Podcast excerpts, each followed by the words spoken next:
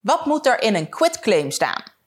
Als je een portret van iemand maakt en dat wil je graag met toestemming kunnen gebruiken, zodat je zeker weet dat je het ook mag blijven gebruiken, dan moet je daar goede afspraken over maken.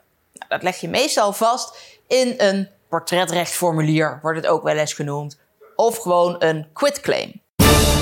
Charlotte, de social media jurist van Nederland. Goed, wat moet er nou in een quitclaim staan? Een quitclaim is eigenlijk een overeenkomst tussen de geportretteerde en degene die het portret wil gebruiken. Nou, nou kan het natuurlijk wel eens zijn dat de portretten al gemaakt worden door een fotograaf of door een andere kunstenaar, maar dat dat dus nog niet duidelijk is door wie het gebruikt gaat worden. Toch kun je al goede afspraken maken. Het allerbelangrijkste is eigenlijk dat de afspraken niet al te breed zijn. De geportretteerde moet wel goed begrijpen en geïnformeerd zijn waar het portret voor gebruikt kan worden.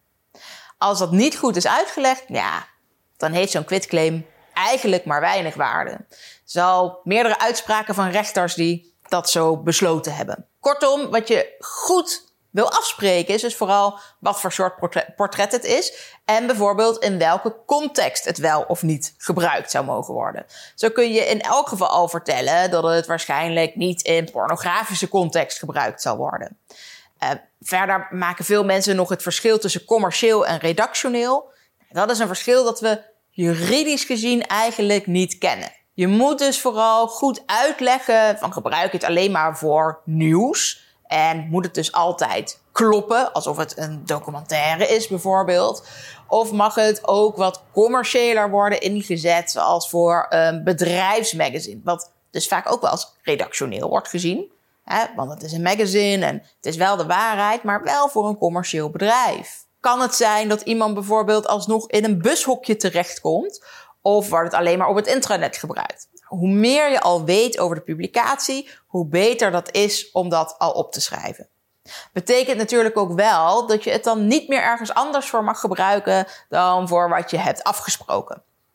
Dus probeer het ook weer niet te specifiek te maken, want dat zou natuurlijk jammer zijn.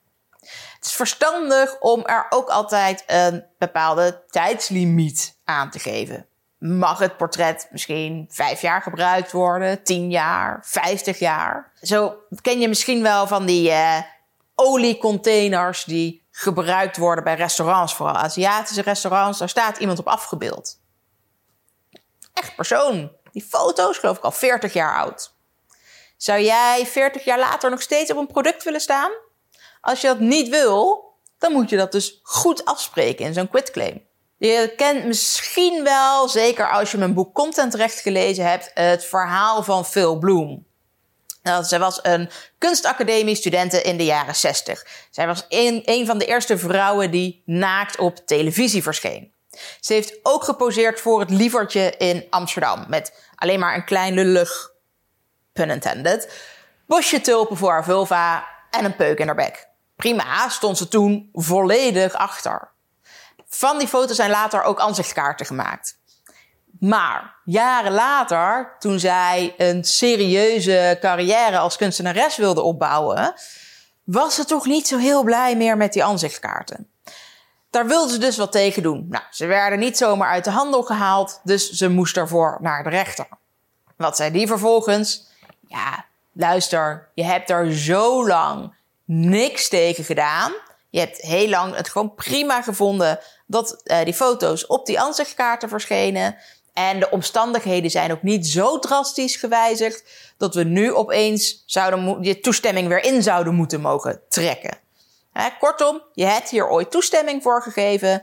Die toestemming die blijft gewoon geldig. Ze had dus eigenlijk destijds er al over na moeten denken dat ze die foto misschien maar tien jaar goed zou vinden om overal terug te zien. Een ander voorbeeld, mooi YouTube voorbeeld, is van een rapper Abnormaal met AP.